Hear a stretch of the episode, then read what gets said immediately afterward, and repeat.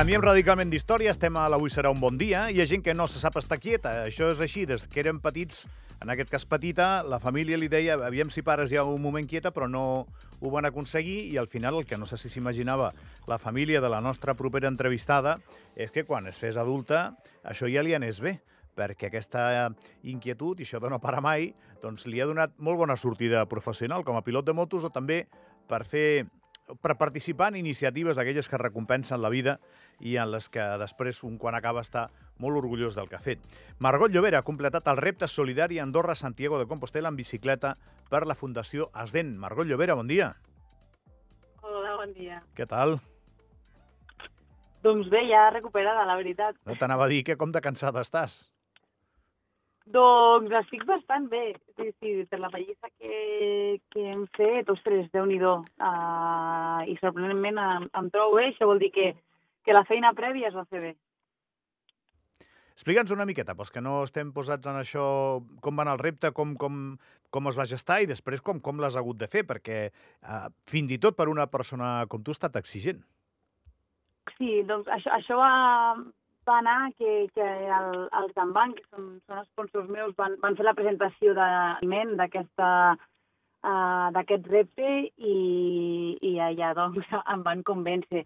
Uh, hi, ha, hi ha gent de dins que, que coneix a la Eva, la Eva és la mare del Nacho, que, que és qui pateix, uh, que és qui pateix l'enfermetat de dent.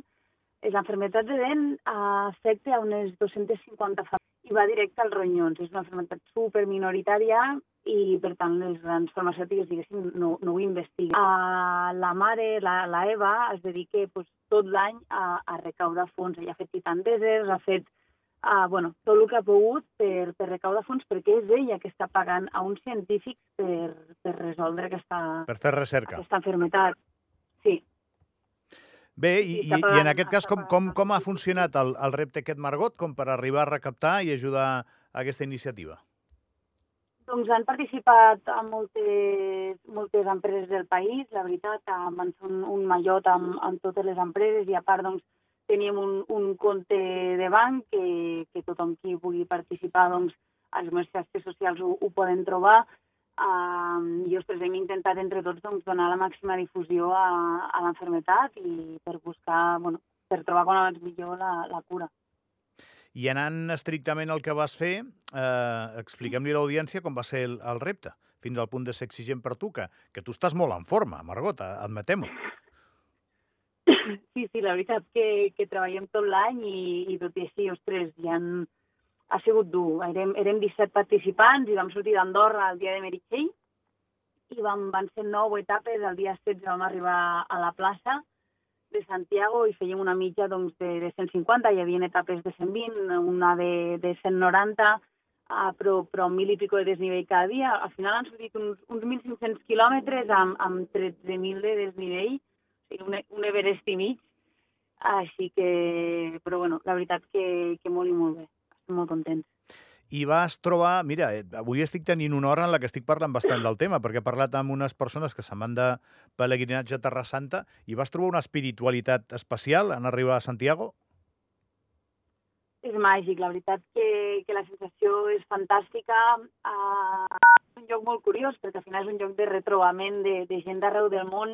Tots arribem allà i la veritat que la sensació és, és fantàstica. Jo, jo no hi havia estat mai, sí que n'havia fet un trosset amb els meus pares de petita, de, del camí, però sense arribar a Santiago, i la veritat que, que ostres, els carrers, a la catedral és, és fantàstic. Sí que, evidentment, la majoria de gent ho fa per motius religiosos i sí que respira, doncs, una, com una solemnitat, no?, entre tots, molt, molta calma, molta pau i, i ostres, que per acabar el viatge ens va anar molt bé.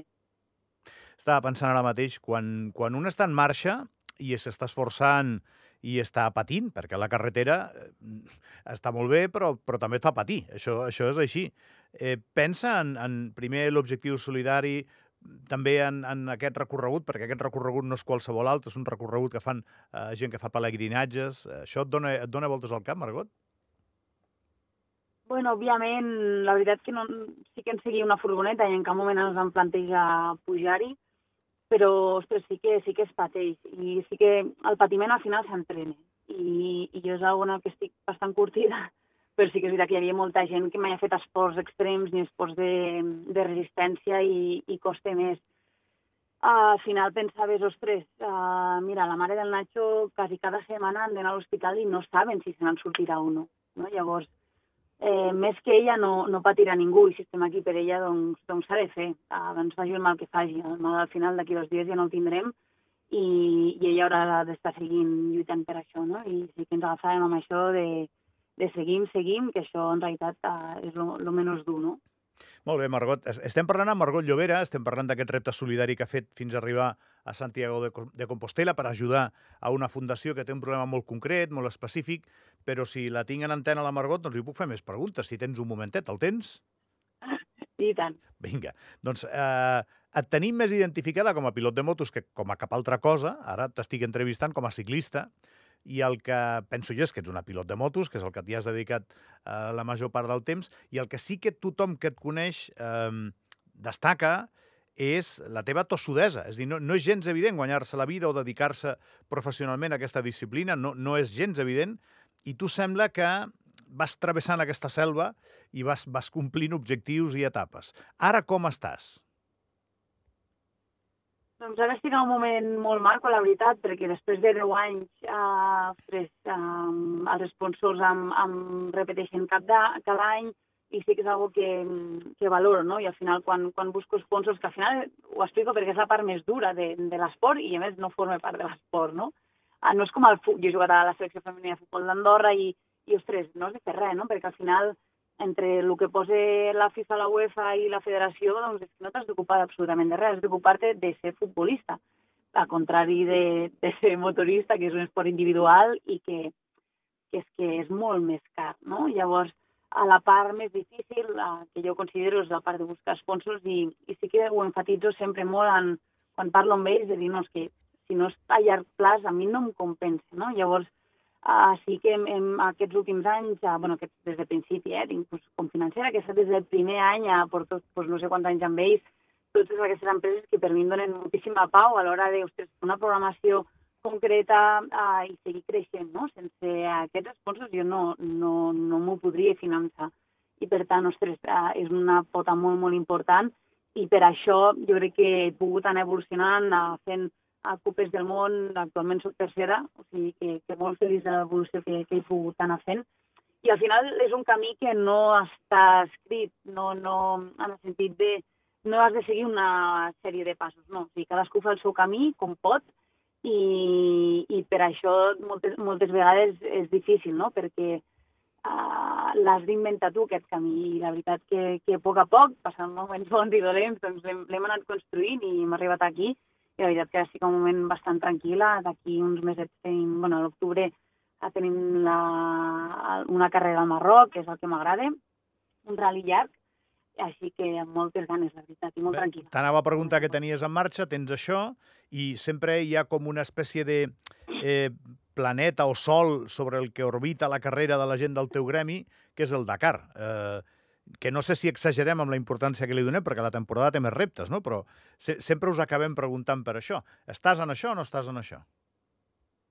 Bueno, clar, el Dakar és la, la Champions League i, i ostres, uh, sí que en principi tornem amb l'Albert, uh, per ara està tot en aquesta direcció i, i això, va, jo amb la moto sí que és veritat que, que m'ho han ofert aquests dos últims anys d'anar-hi en moto i, i he dit que no, perquè ja no, ja no em compensa el que comporta. I per què has dit, feliç, per què has dit que no? Tant... Per què no et compensa, Margot? Bueno, és, és un tema de, de fer-te gran i, de, i, i que comporta doncs, actualitzar els objectius de la teva vida. Eh? Jo de petita també volia ser veterinària i no, no m'he de frustrar perquè no ho he sigut, no? Pues és el mateix, al final uh, creixes, els teus objectius es van actualitzant i, i les teves motivacions van, van derivant cap a altres llocs i, i ara doncs em, em motiva més la feina potser de, de copilot, però el que segur que no em motiva és uh, ara ja la, la feina que comporta i sobretot la motivació que comporta en de cara amb, amb una moto, que al final és uh, vas a jugar-t'hi el pèl i, i ostres, doncs, com que això ja no, doncs, ostres, tinc l'oportunitat d'anar dins per un altre costat, doncs ho aprofitem, no? És que les motos són molt arriscades. Eh, estic dient una obvietat, eh, Margot, però si no vas amb les màximes garanties i amb un equipasso que et garanteixi a l'acabar la jornada la millor atenció pel, per la teva màquina i la millor atenció per tu, eh, perquè puguis també arribar en cert temps a descans i de repòs. Clar, anar al Dakar és molt arriscat, és que t'estàs jugant la vida. Però és que ja, ja no és ni, ni, ni que paguis el millor equip d'assistència, és que és sort. O sigui, al final eh, decideixes anar a un metre amunt, un metre avall, i ja el forat no hi és. Saps? Llavors, eh, bueno, hi ha, hi ha molts, molts, molts factors i, i sí que és veritat que a mi el que m'agrada és la carrera, Ara, com? Com anar-hi? Doncs, doncs com sigui una miqueta, no? Perquè, perquè el, el circ que es monte és tan impressionant que de viure que, que ostres, jo vull tornar-hi, no? Però la veritat que, que com no, no em treu la son. Hi ha, hi ha dues carreres... Al, amb el tiet.